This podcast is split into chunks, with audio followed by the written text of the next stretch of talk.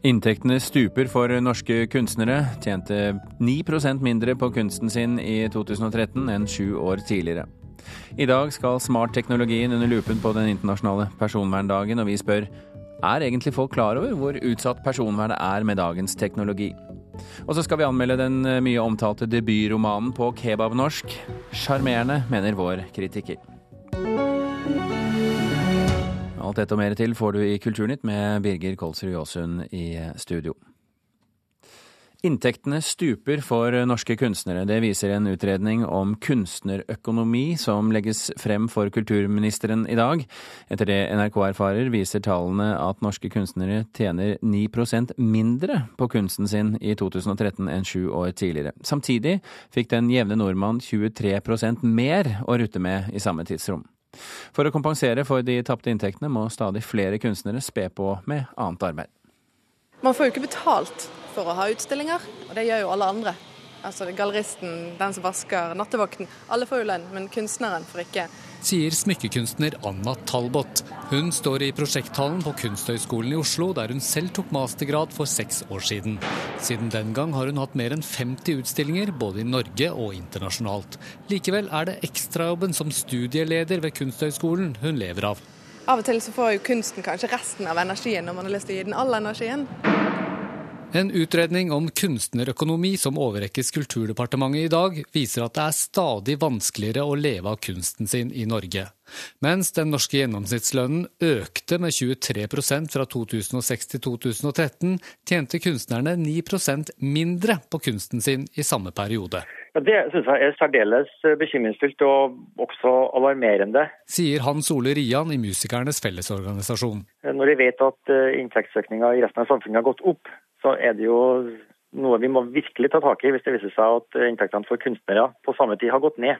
Utredningen, som bygger på en spørreundersøkelse som 4000 medlemmer av 30 norske kunstorganisasjoner har svart på, viser imidlertid at det er visse kunstnergrupper som har gjort det bedre enn andre.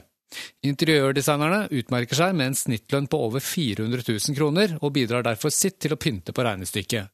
Bildekunstnerne derimot ligger helt på bånn av lønnsstatistikken og tjente i snitt 11% mindre på kunsten i 2013 enn sju år tidligere. Ja, dette er jo noe vi har fryktet. Sier styreleder i Norske Billedkunstnere, Hilde Tørdal. Jeg tror de fleste billedkunstnerne kjenner seg godt igjen i den beskrivelsen. Eh, men det er jo like fullt eh, svært graverende for vår kunstnergruppe. Men kunstnernes negative lønnsutvikling er også interessant i et annet perspektiv. Den har nemlig skjedd parallelt med at den rød-grønne regjeringen doblet kulturbudsjettet. Jeg tenker det at eh, man kanskje ikke har vært flinke nok til å rette inn i tiltakene mot eh, det som kommer kunstnerne til gode generelt. Og det tenker jeg kanskje blir oppgaven nå. Å finne gode tiltak som som får pengestrømmen tilbake da, til kunstnerne for det, de verdiene de skaper i samfunnet. Det er mye bråk overalt her, for det er mye aktivitet. Anna Talbot angrer ikke på at hun utdannet seg til smykkekunstner. Likevel synes hun det er trist å være blant lønnstaperne. Selvfølgelig. Det er jo litt bittert å se at andre kan tjene gode penger på det jeg gjør. Og at jeg ikke får ta del i lønnsutviklingen. Og reporter her, det var Petter Sommer. Om en uh, drøy time får vi altså hele rapporten om hvordan uh, det står til med kunstnere i Norge i dag. Agnes Moxnes, kulturkommentator her i NRK. Hva slags utredning er det kulturministeren får på bordet nå? Det er en utredning den tidligere nasjonalbibliotekaren eh, Vigdis Mo Skarstein har eh, signert. Hun har fått med seg et veldig bredt eh, mandat for å se på alt som har med kunstnerøkonomi å gjøre. Om de er selvstendig næringsdrivende, som mange kunstnere er, om de er frilansere eller fast ansatte. Og i denne utredningen så kommer det frem en del nye tall, bl.a. de vi hørte om her, altså fra en ny levekårsundersøkelse som også presenteres i dag. Eh, og den sier enda sterkere enn eh, det vi vet fra før, at fattige kunstnere er et faktum i, i Norge. Og billedkunstnere de melder altså om en gjennomsnittlig inntekt på under 100 000 kroner i året. Så det kan nesten virke som de har rast enda lenger ned på lønnsstatistikkene, hvis det er mulig, da. Ja, Eh, hvis du ligger bakerst, så ligger du jo nå en gang bakerst. Hva skal kulturministeren gjøre med denne rapporten? Ja, her er det mange nøtter som må knekkes, rett og slett. Det kreves politisk kløkt, og hun er ikke den første som gir seg i kast med å prøve å løse denne problemstillingen. Eh, I utredningen fra Moe Skarstein så stilles det spørsmål er organiseringen av stipendene, kunstnerstipendene, er de gode nok? Burde kunstnerne selv bli mer bevisste og flinke næringsdrivende? Og er det rimelig at kunstnerne skal stille ut gratis, mens alle de ansatte på et museum f.eks. da får lønn for, for det de gjør? Så, og det er jo interessant i, i, dag når man har denne streiken eh, i ettermiddag, så viser nok denne undersøkelsen blant kunstnere at de fast ansatte kunstnerne de har det atskillig mye bedre enn dem som går på kontrakter og, og, jobber for seg selv. Det paradoksale her er jo at inntektsfallet har kommet samtidig som vi har hatt dette kulturløftet til den rød-grønne regjeringen. De har altså doblet eh, antall, altså summen penger ut av eh, staten og inn i kulturlivet. Eh, hva sier det om den forrige regjeringens kulturpolitikk? Ja, det så vidt jeg kan se, så er nesten, situasjonen nesten verre for billedkunstnerne i dag enn den var for, for åtte år siden. Og det er ikke fordi de rød-grønne ikke var bevisst eh, denne utfordringen her, for det var de da de satte opp Kulturløftet sitt med 15 konkrete punkter som de skulle løse. Så var punkt én at 1 av, kultur, av statsbudsjettet skulle gå til kulturformål. Det løftet ble innfridd. Eh, punkt to var at man skulle få en kulturlov. Det fikk man også. Punkt tre det var nettopp dette her med at man skulle bedre levekårene for kunstnerne. Eh, og, og eh, som vi kan se, og som vi kommer til å få høre i dag, det løftet ble absolutt ikke innfridd.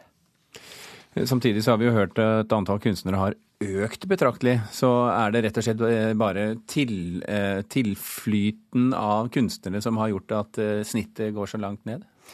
Ja, Det er jo da også en utfordring. Vi kommer også til å få svar på en del av det i dag. Men det er klart at det er en betydelig overrekruttering, for å si, bruke, et, eh, bruke økonomispråk, innenfor kunstnerrekkene. Samtidig så må vi jo minne om at det er faktisk helt frivillig om man vil bli kunstner eller ikke.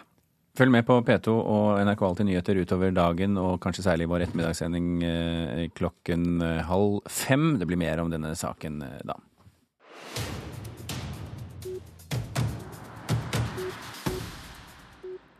Teknologiselskapet Apple har lagt frem det største overskuddet som noen gang er gjort av et børsnotert eh, selskap. I siste kvartal i fjor hadde selskapet et overskudd på 18 milliarder dollar, tilsvarende 140 milliarder kroner. Det overraskende gode resultatet skyldes bl.a. salget av 74,5 millioner iPhoner i eh, samme tidsrom.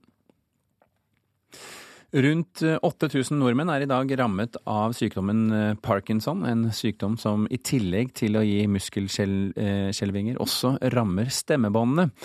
I Bodø skal nå et helt nytt prosjekt prøve å finne ut av om korsang kan hjelpe parkinsonsyke til å få mer trøkk i stemmen.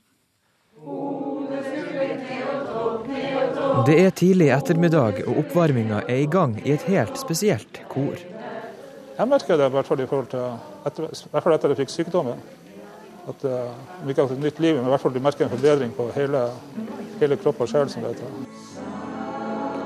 Svein Martinsen er kun 57 år gammel, men allerede ramma av den nevrologiske sykdommen parkinson.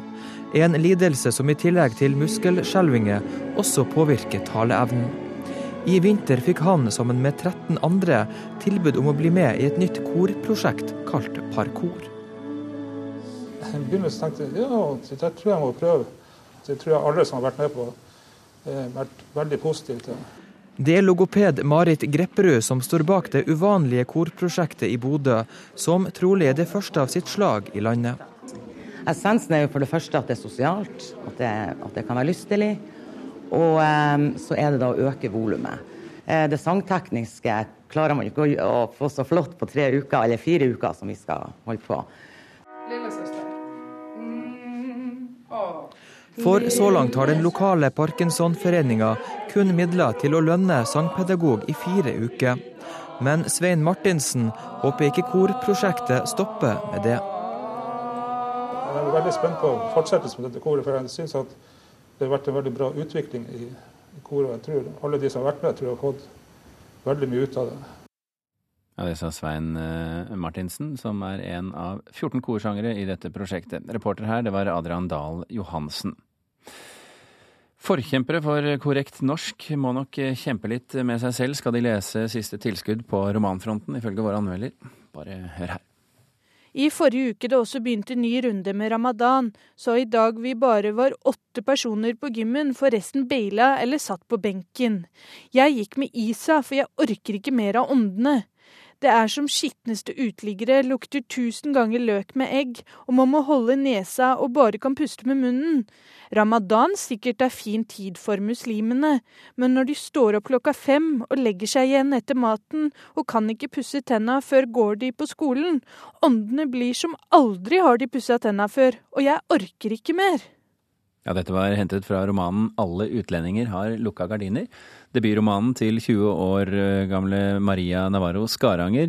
Den har fått eh, mye oppmerksomhet for bruken av kebabnorsk, som du kunne høre et eksempel på her. Bak den eh, bildskapende tittelen så skjuler det seg en rapport om å være fjortis i drabantbyen Romsås i Oslo. Sjarmerende, sier litteraturkritiker Marta Norheim om denne rapporten. Jeg vil starte på overflata. Tittel og forfatternavn står skrevet i store gullbokstaver på et underlag av leopardskinn. Kanskje det er sånne gardiner utlendingene har? Eller kanskje det er et ironisk lite nikk til oss poteter, altså nordmenn, fordi vi har så lett for å havne opp med de billigste klisjeene når det er snakk om nye landsmenn. Ikke veit jeg, men eh, boka spiller på at det som er heilt vanlig på Romsås, vil verke temmelig merkelig, og kanskje skummelt, i andre deler av landet.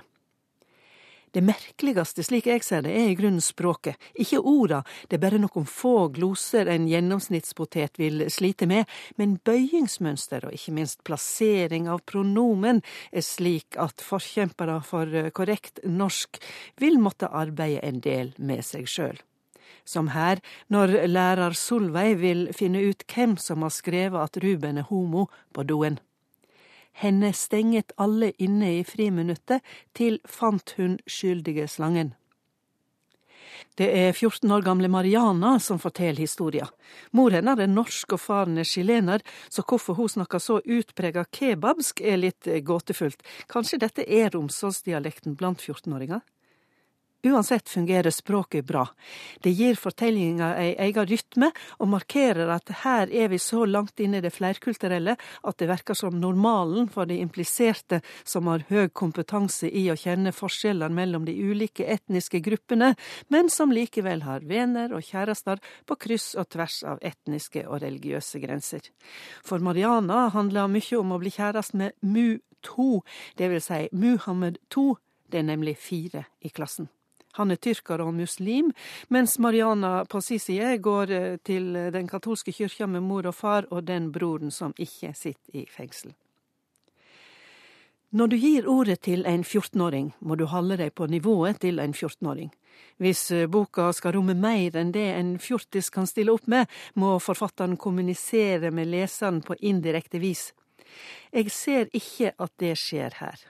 I stedet er Alle utlendinger har lukka gardiner en frisk og sjarmerende rapport fra et ungdomsskolemiljø på Romsås, der tonen mellom elevene kan være tøff, men også varm, der det er noen du passer deg for, og noen du sender lange blikk til. Som på de fleste andre ungdomsskoler, vil jeg tru. Romsås verker ikke fullt så ugjennomtrengelig etter dette.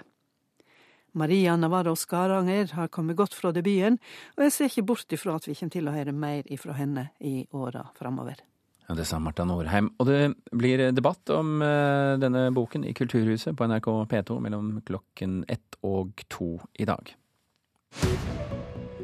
Klokken er drøyt 17 minutter over åtte. Du hører på Kulturnytt, og dette er toppsakene i Dagsnytt nå. Kollektivtransport, barnehager og offentlige tjenester rammes av den politiske streiken fra klokken 14 i dag. Kjemikalier i datamaskiner, matemballasje og sportsutstyr kan gå utover fertiliteten, mener eksperter. Folkehelseinstituttet vil ha mer forskning på virkningene av slike tilsetningsstoffer. Og et forbud mot dieselbiler i storbyene er en fallitterklæring og helt uforståelig, mener Norges Automobilforbund, NAF. Et av verdens største kulturarrangementer, karnevalet i Rio de Janeiro, står for døren. Nærmere 100 000 artister deltar i paradene på Rios Samba-stadion. Og forberedelsene har pågått helt siden i fjor vår.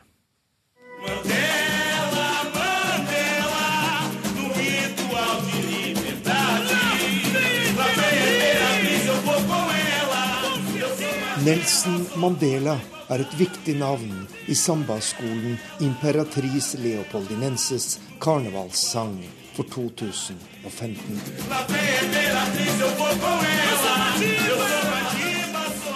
Det heter Samba Enredo og er selve kjernen i de flotte paradene på Rio de Janeiros sambastadion under karnevalet. Samba Enredo er temaet den enkelte sambaskole har valgt for sin årlige opptreden. En tekst som synges gjennom hele paraden.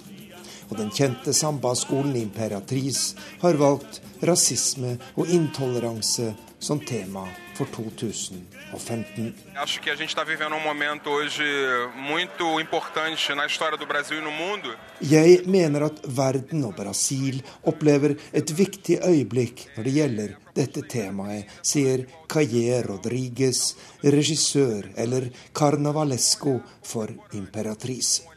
USA har eksplodert i raseopptøyer, Europa rustes av terror, og her i Brasil er rasismen fortsatt høyst nærværende.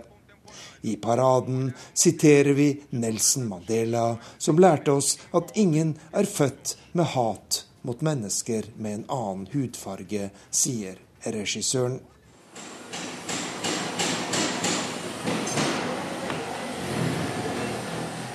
Jeg er på besøk i Sambabyen, også kalt Drømmenes fabrikk, i sentrum av Rio. Her sitter tusener av unge mennesker fra byens fattige områder og lager draktene og de enorme vognene som skal brukes under karnevalsparaden. Jeg synes det er flott at skolen vår tar opp temaet rasisme og intoleranse i årets karnevalssang, sier Carla Venezuares, fra sambaskolen Imperatrice Leopoldinense. Når jeg ser den utsmykkede vogna som vi jobber med under paraden, vil jeg bli stolt over at jeg har vært med å lage dette.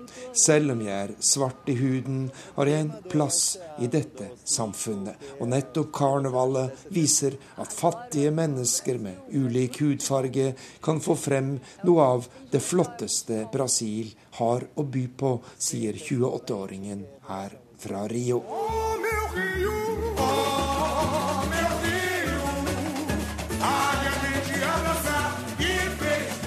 Karnevalet i Rio de Janeiro er et av verdens største kulturarrangementer, der nærmere 100 000 artister fra 27 sambaskoler deltar under de offisielle paradene.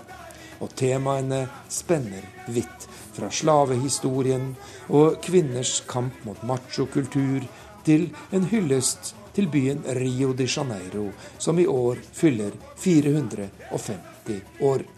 Sistnevnte fremført av sambaskolen Portela.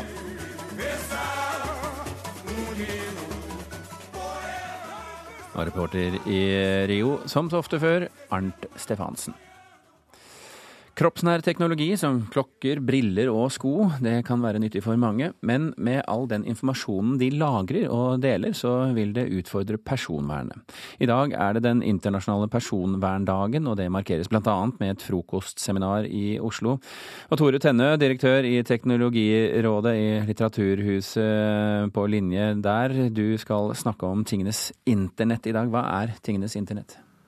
Det ligger jo i navnet. Eh, alle ting kan i prinsippet kobles opp på internett. Og på den store elektronikkmessa i Las Vegas nylig så sa Samsung-sjefen at de skal nå gjøre alle ting smarte. Alle ting skal bli en del av internett. Altså alt fra brødristere til uh, lyspærer til frysere og selvsagt hus.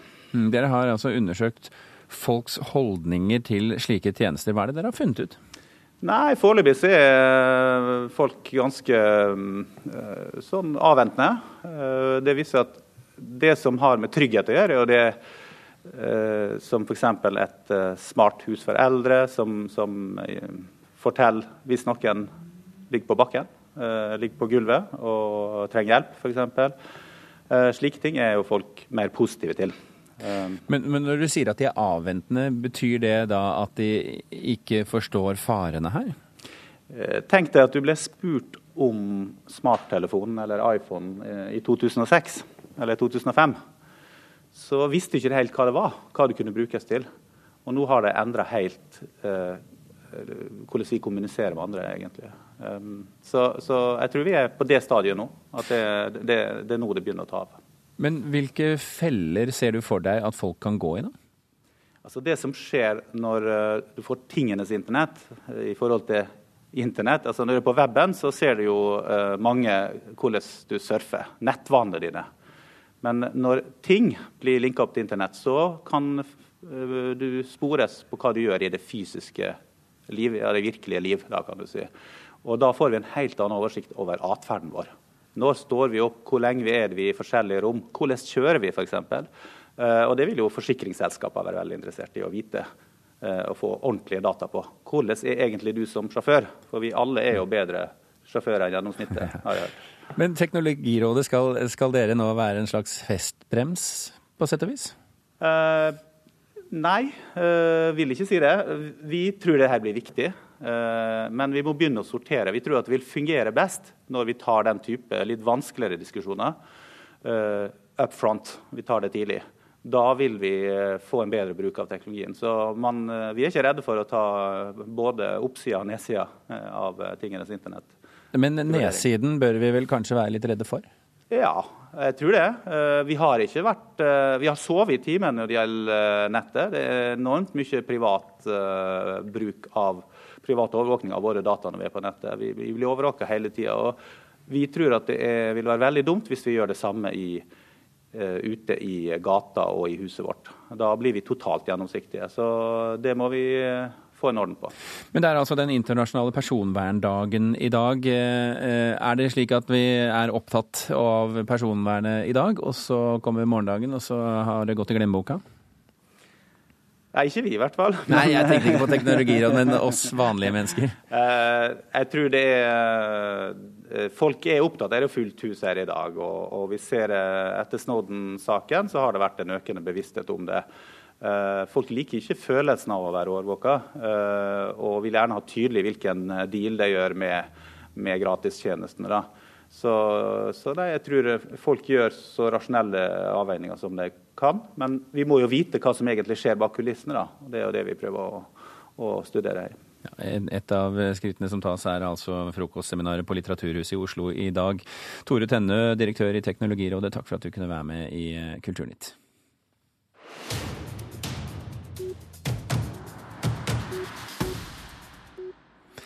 En av Nordens største festivaler i sitt slag, eh, og den eneste i Norge, er eh, i gang. Arrangørene skilter eh, med kjent og ukjent og en stor dose entusiasme. Vi snakker om barokkfest i Trondheim.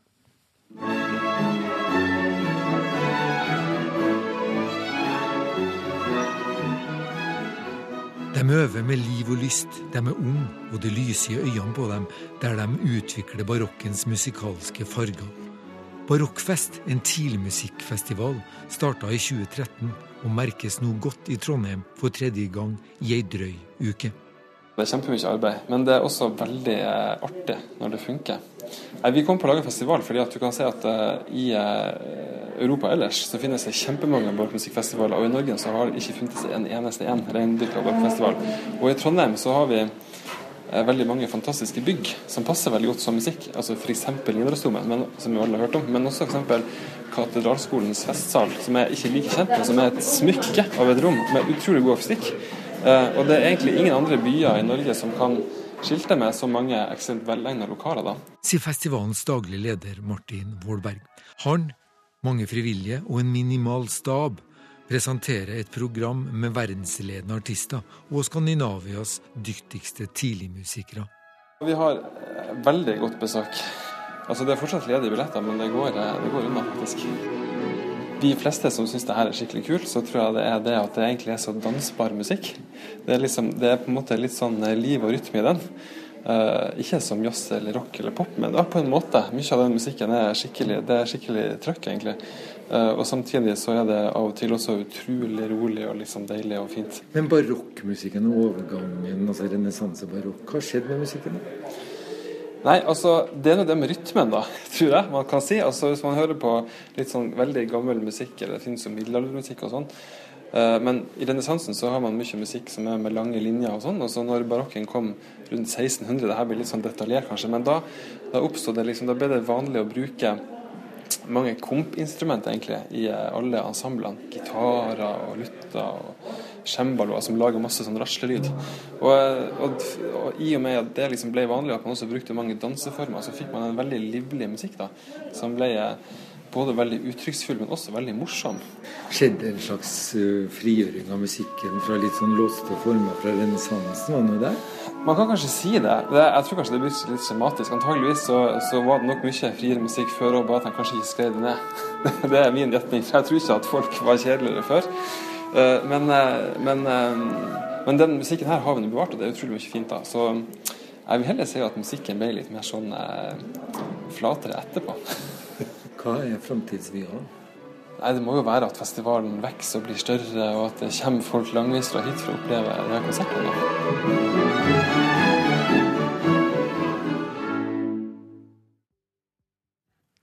Det var eh, Hvem var det som eh, snakket der? Det var Lars Erik Skjærseth som hadde laget denne reportasjen her. Kulturnytt eh, er i ferd med å slutte av. Eh, I dag har vi fortalt at inntektene stuper for norske kunstnere. De tjener 9% mindre på kunsten sin i 2013 enn sju år tidligere. Det viser en rapport som kulturministeren får på bordet sitt i dag. Med den rapporten får hun en stor utfordring, sa vår kommentator Agnes Moxnes. Hilde Tosterud, Andrea Kvamme Hagen og Birger Kålsrud Aasund takker for følget.